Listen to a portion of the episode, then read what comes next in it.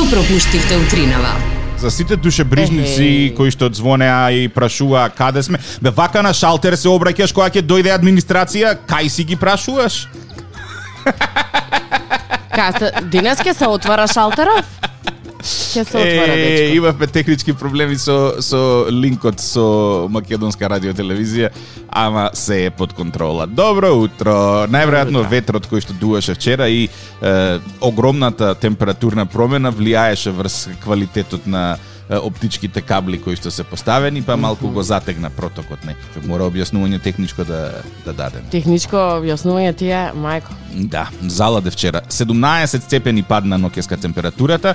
Требаше и те како кебенце да се Мора фрли. добро се изнаспавме, утре нава е 20 дојдем на работа. Јас дури едно време се помисли викам да се вратам по джемперче. После гледам луѓе со кратки ракави, веројатно и тие се срамеле утре нава да земат нешто плюс. Викам ајде ќе издржам херојски до работното место. Меѓутоа ако сте малку позимурливи како мене, не е лошо да се подобличате пред да излезете надвор. Тоа ќе ви треба дока и 12 најверојатно, потоа ќе Ма ни стане дока е 12, топло. дока е 10 евентуално и после тоа веќе сонцето ќе се заврши својата работа. 079 274 037 е телефонскиот број на кој што може да се јавите да правите муабет со нас, тик-так и Зорка на Facebook и на Instagram и слушај.тиктакизорка.мк сите стари епизоди достапни кога сакаш, каде сакаш. А за тебе имаме едно прашање, ако се доволно храбар, те очекуваме на 079 274 037 малку да си продискутираме.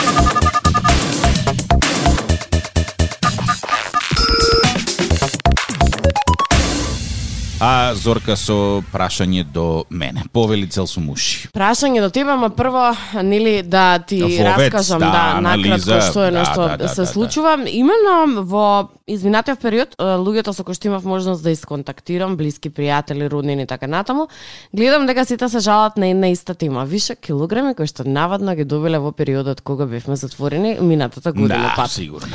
И сега се е, решава нели на која диета кој како ќе почне, па јас држам диета ваква, па јас држам диета таква. Па ете летово тешко ми беше со овие више килограми да се дише, што е заправо се Да. дишеше тешко и вака и така. Меѓутоа луѓето решија дека можеби е во ред малку да поработат на, на своето здравје, особено сега физичка активност не е на одмет кога веќе температурите малку од малку барем наутро и навечер опаѓаат. Да. И сега наред се диетите, така? Да. Едно чудо диети, ваква диета, таква, диета 20 дена, диета 90 дена, не Диета знам. 4 сата јади, 20 сата не јади. Un диета, не знам сега, да, ајде да не ги нели именувам диетите, ќе ми се смее некој дека немам појма, ама она што е многу интересно е дека во секоја диета имаш еден ден Душман. Душман ден го викам ден, јас. да, и кога најмногу треба да внимаваш, тогаш најмногу ти доаѓа да ја прекршиш диетата. Тоа е само првите неколку месеци додека неколку го детоксифицираш телото. Првите неколку колку време треба бидам на диета? Три години, пет години? Не, Видиш, тука е заблудата, Зорке, за, за тоа витко тело. Не треба да бидеш на диета, треба да имаш режим на исхрана. Што значи дека цело време треба да конзумираш избалансирана храна. Јас се А не слагам, ти да се паркираш да пред имаш... телевизор и да почнеш пуканки да сркаш и смоки и се- пица. Аха, не се. Добро да е, од Е, се, се што е онака грешно, пуканките се најнегрешни. Најгрешни се. Не, мислам дека не. Дури Како во не дел од пченка? диети, добро да е ма пченка испукана. Па како испукана, во- знаеш колку скроби глутен содржи? Во дел од некои диети постои ден кога можеш да јадеш и пуканки. Не е. Она што ми е многу интересно е, да, треба режим, така? Меѓутоа за да дојдеш до режим треба прво диета, за да поднамалиш, пошто ти со режим можеш да се одржуваш, ама треба да Ама поднамалиш. можеш и со режимот да намалиш. Добро, треба диета. Доктор, Точка. Ете, тик-так, ајде, треба одиме. диета. Прашањето многу важно ми е. Да речеме дека си ти многу мотивиран да ословеш. Многу мотивиран. Пред тебе е некој настан, та колку настаните ќе ќе се одржуваат, не, Не, знам. не ме мотивира тоа. Добро. Пред тебе се фармерки купен 1995 година, кога имаше што 140 многу кила. сакаш, 140 кила. Кој што Добро, многу, и? кој што многу сакаш да да не ги облечеш повторно, ме интересира. Не, кој што сакам да ги облечам повторно. И Добро, ме збуни, не е важно. Важно ми е, која е таа храна која што би те прелажала да ја прекршиш диетата? немам појма. Немаш појма. Да. Сега размислувам што јадам и што би можел да јадам за да ја прекршам таа диета. Благо некој. Благо. Да. Најчесто и јас благо сладолед размислувам.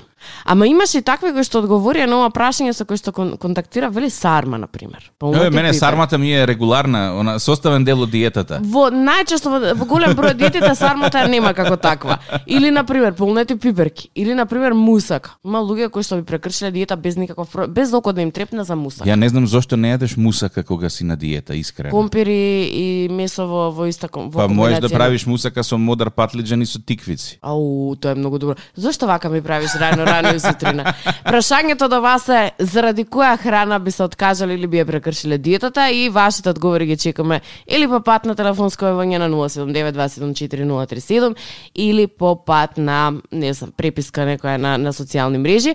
Оно што е многу интересно, ако ништо друго може би ете некого ќе го одвратиме од идејата да биде на диета или ќе ја прекрши диетата, ама јас сум сигурна барем дека ќе најдеме топ идеи што да се руча денес.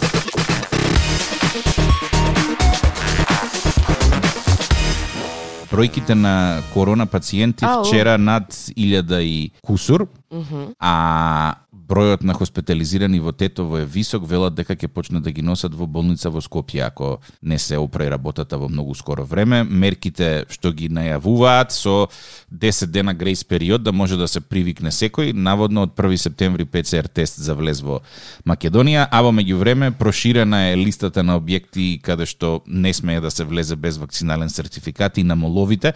Вчера излегоа некои фотографии, онака језа да те фати во некој од шопинг центрите, а право да ти кажам и по тие кафулињата и рестораните што ги видов движејки се низ Скопје вчера, малку народ има.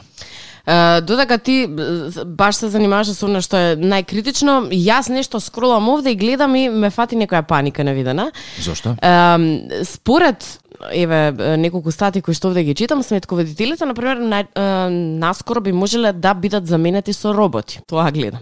И Па сега да. се размислувам, да, може би може да бидат заменети, меѓутоа размислувам што е она што во минатото мораше човек да го работи, а сега тоа е заменето со некаква машина, робот, компјутер, програм или така натаму. На пример, е, перење на автомобил. Мораше човечка Да. рака, така? Сега не мораш. Сега имаш опција сам да си испереш кулата, ставајќи неколку парички Ама тоа не го заменува човечкиот фактор. Меѓутоа имаш и можност да поминеш со колата нели Врум, низ тие, да, да. со со големите четки и таму не ти треба реално човек. Исто така бензинска пумпа на пример. Понекогаш да, морално е некој да дојде да ти наточи бензин, меѓутоа има и такви бензински кај нас мислам дека нема. Нема кај нас, мислам дека законски тоа некако ми е чудно. Во Грција на пример постојат бензински кај што сам можеш да си точиш. Во Америка скоро сите бензински се такви, освен во една сојузна држава каде што со закон мора да ти точи некој друг возило поради опасност од пожар и слично. Ама велат еднаш кога некој ќе почне да ти точи бензин, никогаш повеќе нема сам да сакаш да одиш да си да си наполниш затоа што е Апсолутно. Од друга страна, оние наплатни рампи, кукички, кои што беа, не знам, за паркинг, Охо. за било што, сега се тие заменете со автомати, тие автоматски, нели сам, со ливчето и со одредена сума на пари можеш да си платиш. Две, И, повели, две работи кои што мислам дека во многу блиска иднина ќе бидат комплетно автоматизирани и Добро. заменети се касиерки во супермаркет Да, може да си ги ставиш производите, а си ставиш пари на крај. и ќе ставиш да кажеме еден супервизор на пет каси што ќе дзирка лево десно дали се се одвива по протоколи и стандарди и е, банкарски службенички што работат на шалтер. Зошто? Можеш и така и да така банкиве се да. повеќе повеќе инсистираат сите работи да ги правиш онлайн, така да апсолутно ќе биде непотребно некој да седи на шалтер да ти ги земе парите. А рака на срце веќе се појави и банкомати низ Скопје кои што примаат пари. Многу одамно, мислам, нека неколку години Јас сега назад. ги открив И случајно. јас ги открив и случајно. викам, Леле, види, не мора да се оди во банка ни пари да се остават. за да можеш да внесеш пари на, на сметка. Е, сега уште само супер. да ги најдеме парите. Е, знаеш што е многу интересно. Да, пари ќе најдеме вака или така, меѓутоа од практична гледна точка, например, постојат професии како келнер во ресторан за кои што е потребно посебно знаење, односно не е можно да го замени, например, робот. Може. Па не може, не можеш. Во право си. Да Треба го донесе. научиш е, роботот да ги замени луѓето е, е речи си невозможност, например заради тоа што имаш поставување на маса, уредување на приборот за јадење и чашите. Од гледна точка на вештачка интелигенција е многу тешко тоа да се направи. Добро, не предизвик за некој јапонец. Сепак мислам дека нема да може со таа вештина да да го изработи сето она што на пример професионален келнер би го направил. Или да, може да ти донесе слаенцер или кафе, не може да го стави соодветното кафе кај соодветната особа или не може да постави масата онака како што треба. Мислам дека сепак ќе останат некои професии кои што нема можат никако да се заменат. Од друга страна, може би тебе репортер за за читање вести онака може би би можел, ама ај Ау, не, Зорке, колега ова, наш. ова наша, нашава, нашиов нашава бранша станува опасна веќе. Не знаеш што е вистина, што не е. Едни велат едно, други одма излегуваат, демантираат. Нашава бранша најдобро ќе се регулира со вештачка интелигенција која што ќе презентира само вистините информации. Сега ќе кажеш вистините за кого? За едните, за другите, за третите. Која е вистината? да, Аха, ама- за блудата. Ама гледај, вистина е, е вистина за оној кој што ќе ќе му ги напише сите информации на на оној робот кој што би можел на пример да ги да ги презентира информациите. Ама мислам дека е многу неубаво, не невкусно би изгледало на вести робот наместо ние нашите водителки со косичиња, со со шминки. Или ај замисли робот да седи наместо Зорка, наместо Е, тебе. Вчера ми се појави некое видевце, еден од роботите на Boston Dynamics, а тоа е фирма која што е, произведува и програмира роботи кои што се слични на луѓе, барем по по физику, со на висина и така натаму, инаку изгледаат како роботи. Роботиве ги проучувале движењата на кинески гимнастичарки. Добро. Да видиш Зорке како роботов скока и трча и се превиткува како гимнастичар. Вау. Значи, неверојатно. Така да очекувам во блиска иднина на Олимпијада да гледаме и категорија спортови роботи од разно-разни држави. А многу интересна работа е дека пред години години гледав роботи кучиња. Например, сакаш да имаш миленик, не сакаш да го шеташ, не сакаш да го учиш. Робот миленик. Еве, Коста прати на uh, YouTube клипче како робот од Boston Dynamics ти прави кафе. Бариста. Многу е споро ова. Па се, види, се- ха, споро. Кога ќе го извадиш факторот муабет, ќе видиш дека реално ова оди многу побрзо отколку да чекаш во ред. Плюс тоа така нема она преку ред да прашам вака онака. Роботот ти вика цак. Да, например, не можеш да се караш со никој на наплатна рампа. Ама дечко, не сум сати, 10 минути, туку помалку од саат време сум. Нема, то ти е робот, то ти е машина. Ставаш, толку пари имаш, што е тоа? Јас да сум некој научник и фактор во Добро. некоја компанија што, Што произведува роботи, Што? јас би произвел робот кој што ќе може тенко да исецка мартадела во оддел за сувоместното. Нели има веќе за тоа? Не?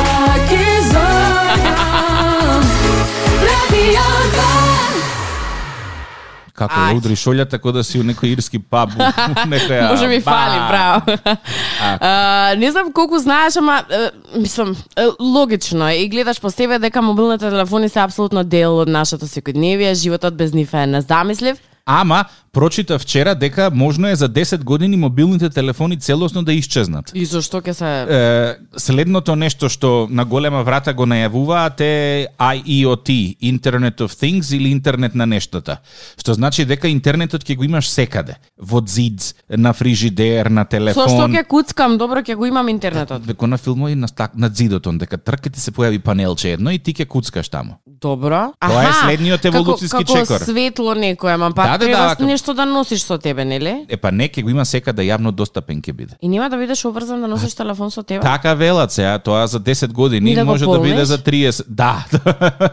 Не, најакото е дека нема да унија заговара универзален полнач која ќе ги уништат Да, ама и телефоните. друга работа е на сега ми се поставува како прашање. Како ќе кажеш него чув телефонот ако цело време е со тебе? Не само што не Или не- или да, го заборев дома. Нема веќе тоа. Одиш по улица, ти звони, е, некој те бара и од сите страни, од сите билборди, од сите Пррр. електронски гаджети ти светка Зорке некој те бара. Зорке нема криење. Тоа е тоа. Единствен начин да бидеш е, исклучена е pull the plug. Значи Да, комплетен shutdown. Значи сега што е многу интересно, сега ги разбирам бабите кои што се трудат да не ја разберат технологијата. Истово го размислува вчера. Значи, Значи, ќе ќе ја речам баба бе вака, тука треба да се не знам јас ова и не се ни труди да научи. Не знам јас ова и сега го сваќам моментот дека може и ние ќе доеме на незиното. Не знам јас ова, не ме интересира. И тоа ако сакате да ме добиете, ме видите, може да дојдете. Тоа многу интересно. Знаеш што ова ти го кажувам? А, просечно луѓето најмногу се задржуваат на социјални мрежи како Инстаграм. Да, таа е сега Малку- примарната. Да, предходно беше, не знам, YouTube, па Facebook едно време беше, сега е Instagram. А, а многу по неколку места под Инстаграм се наоѓа електронска пошта и веб страните за онлайн пазарење. Пандемијата веројатно придонесе да поминуваме повеќе време пред екраните, нели? И веројатно ќе се изненадите колку време просечно трошиме на мобилен телефон. Направени се а, анкети на над 1000 корисници и според нивните навики една личност просечно поминува 9 години од својот живот користејќи мобилен телефон. Истражувачите претпоставиле дека децата најчесто добиваат телефон кога се на 10 годишна возраст, многу погрешно, многу порано добиваат децата, барем ке нас, според она што можам да го видам во околина, а дека еден човек дневно поминува околу 3 часа на телефон. Мислам дека малку повеќе од 3 часа. Повеќе од 3 поминува, часа. да. Ја она апликацијата што ми мери колку време поминувам без 5 сата дневно не е. А јас го ограничив на 4 и се трудам да си го сочувам времето колку што можам повеќе и Да. ако може и да не поминам на 4 часа, односно да не стасам до 4 часа. Има разлика. успеваш? Па да, да. Не сите денови зависи кол, зависи колку имам работа на телефон, меѓутоа во останатите денови за слободно време се трудам да го минимализирам времето поминато на мобилен телефон. Многу време губиме е, зјапајќи во екранот без веза.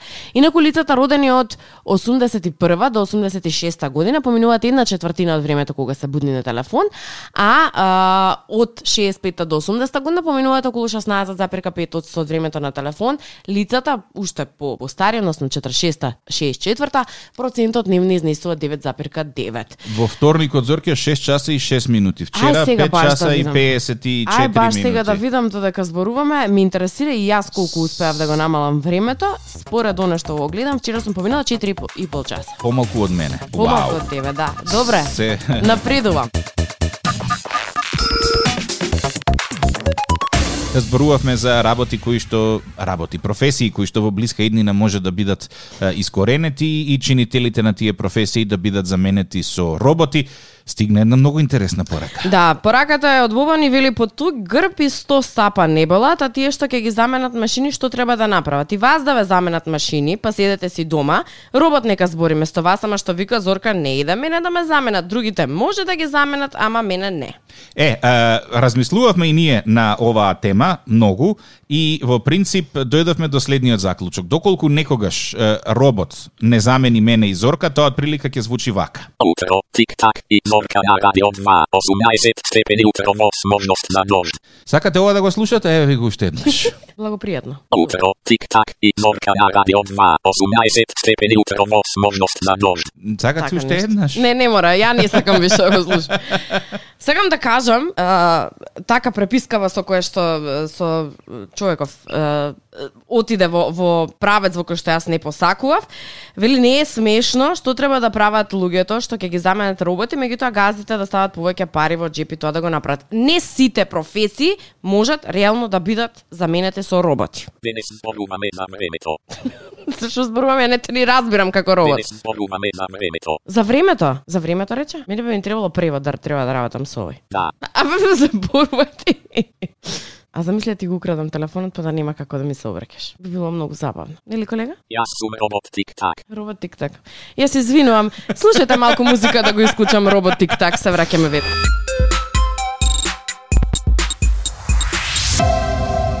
Добро утро, стаса некој коментар дека роботите не мора вака да звучат. Са, не мора, јас се слагам дека не мора, ама Утро, тик-так и зорка на радио 2, Тоа- Тоа е изборот или ова вака или, Уште или еднаш кога го роботот. пуштиш ќе ти го земам телефонот, еве ти вету, да знаеш. И че не ми се допаѓа како Утро, звучиш. тик-так и зорка на радио 2, 18 степени утро возможност за дожд. Тоа е тоа, значи ако почнат да кратат буџети тука и ние е, бидеме заменети со нешто, ќе бидеме заменети со ова. Па вие слушајте. Утро, тик-так и зорка на радио. Ти реков пред малку дека за разлика од роботот, јас можам да планирам роботот, само тоа ќе го вергла. Добро утро, добро Е, па утро, сега, добро утро. колку пари, толку музика. Од светот на криминалните активности, две работи се многу интересни. Првата, Зорке, во Флорида. Полиција уапсила 18 годишен дечко кој што се преправал дека е шофер на автобус. Добро. Секој ден типот крадел еден од автобусите од градско сообраќајно предпријатие, си го возел на линијата на кој што автобусот сообраќа, качувал патници, симнувал патници. А нешто бил насилен, нешто Не, не, не, не, не, не, не. И на крај на работниот ден го враќал автобусот назад. Па тој им правил услуга фактички, работел цел ден за нив. Добро, Де и, факто. и тоа е Кривично дело. кривично дело, кражба на, на автомобил, да. Замисли да дошол во Македонија да украде автобус. После втората, третата постојка вика еве ти народ, и автобус, и не мора да го краде автобусот. Само треба да се само треба да се договори со шоферот. Види друже, ја го земам од од гаража, да. ќе ти го оставам на прва станица, кидам у кафана, кладилница, каде и да е, ти вози 5-6 сати и на последна станица буп ќе се смениме. Дури ќе го бараат дечкото утре заутре. Бе, дечко, слободен да не си имам нешто план овој ден. Замисли. И е, следнава Кривично работа дело. е работа која што и јас ја имам направено далечната 2005 година, ми се чини. Имав кредит за кола тогаш, Зорке. Добро. И кредитот беше ратата, не знам, 3993 денари. Добро. Лупам. Некоја таква сума беше. И нормално одиш во банка со 4000 денари, во банка да го платиш кредитот, тогаш уште со кеф се работеше, даваш 4000 денари и оваа банкарка ти вика, абе извини као неам ситно. Добро. Значи не ти нуди опција да ти книжи 4000 на кредитот, току нема ситно 7 денари. ти врати. Значи помалку од 7 денари беа, 2-3 денари беа во прашање. Добро. Кој што ди, ај као демек добрај. Батали ги, не ми ги враќај тие 2-3 денари, ама Зорке на 5 години кредит, 60 месеци, по 2-3 денари секој месец ме фати саклет, нервоза и е, нели ние власите секоја година го играме тоа влашкото собери железни пари во Ехе, во тоа кофа. имало да крцка. И последната рата, Зорке, јас се појавувам у банка у лептокарија со кофа железни пари. 3990 и лупам 3 или 7 денари. Единици, двојки и петки. Десетки немаше тогаш. И? Добар ден, добар ден. Ја викам да го затворам кредитот. И она гледа вика 3993 или 7 денари. Викам добро, ждранг кофата пред шалтер. Ама што е ова? Пари, господја. Ама какви се овие пари? Железни. Железни. Убај. Ама јас треба да ги бројам. Нема проблем, ја имам цело време на свет ти да ги изброиш пари. И почна као варијанта, ама знаете, ние имаме провизија за броење железни пари. Ама ја господје не ви барам... Провизија за- Да, ја не ви барам вие да ми ги изброите париве. Ја ви ги давам парите, јас плаќам со овие пари. Ја не ви барам услуга укрупнување да ми направите. Е, м, м, мрчеше, мрчеше и на крај си ги зеде 3990 и нешто денари. И тоа е сакаш да ми кажеш во странство кривично дело. Е, па да, кај ќе најдеш ти толку многу пари? Има тип од 70 е, години од Синсинати кој што однел во банка, односно не во банка, туку во она, плац за половни автомобили, 8000 долари во, во железни пари. Вау!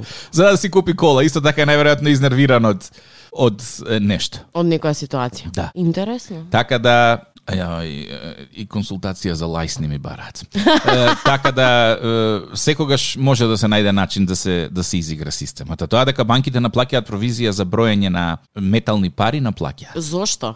Е, затоа што Го трошиш нивното време? Па најверојатно иако имаат една огромна машина во која што ги истураат и машината ги брои и они тоа го нарекуваат некаква провизија за не знам си што. Дека машината работи. Е, Банка Зорке, ако банка за не ти земе пари, нема кој да ти земе пари. Што е тука? е.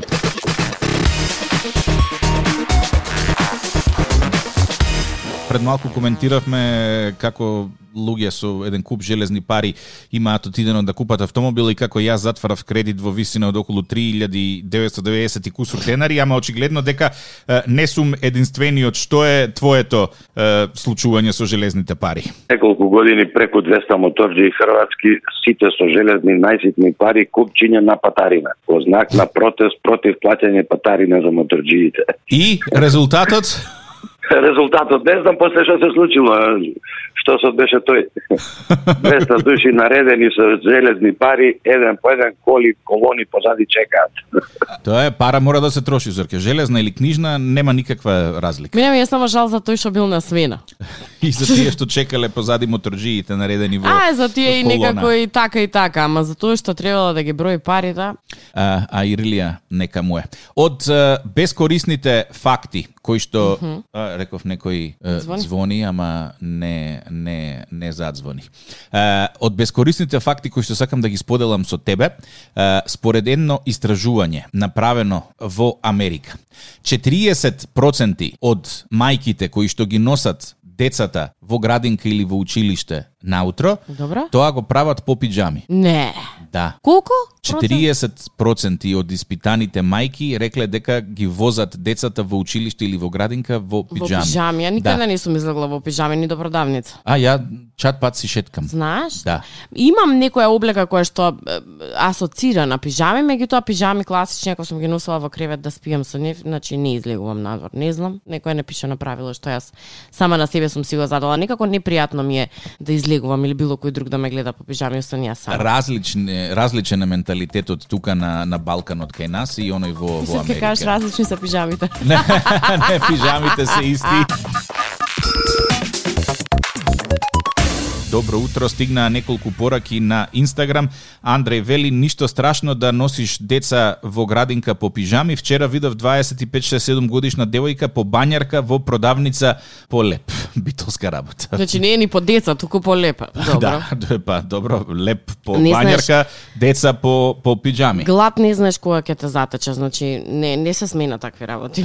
На тема железни пари, Срѓан вели, може и до 9000 денари да се собере во шише од пола литро вода со широка уста, таму таман можеш и 50 денарки да да ставиш, пратил фотка од неговата касичка. 9000 Да. денари. Вау. Па ако ставаш само 50 и 10 ки зорке, да, ако ставаш 1, 2 и 5 денарки, тешко повеќе од 800-900. Пак сакам да ти кажам да го наполниш целото шише. Вака наведом 50 денари, ќе речеш ајде, добро, па ми испаднале, ја нонстоп ни сташна ги бркам тие 10 ки и 50 ки.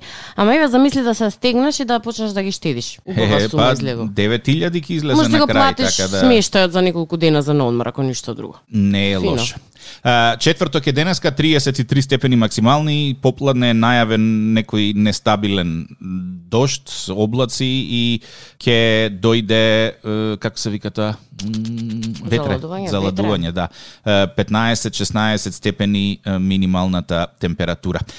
За крај сакам да споделам два многу креативни наслови кои што вчера и денеска се вртат по порталите. Толку се фрапантни и шокантни што мислам дека ќе Ајде, спремна ќе сум. почнеш да се смееш.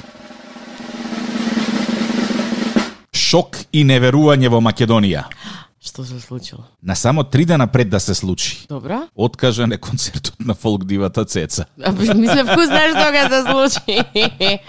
шок и неверување, да. А, мислам- Еве, не, не верувам и во шок сум, да ти кажам. И е, дефинитивно победникот за е, денеска, Како наслов? да, ММС вели денес не треба да се спие, плаче и седи по кафани. Преображение господова. Каков е тој наслов? Не знам. Треба малку да ме Кликнувачки. заинтригирала да, да кликнам да видам што пишу, ама анака гледам, бу... Можеле многу поинако да го проформулираат, меѓутоа добро, тоа е така. На Радио 2, секој работен ден од 7.30. Будење со Тик-так и Зорка. Во случај на неконтролирано смеење и симптоми на позитивно расположение, консултирайте се со вашиот лекар или фармацевт.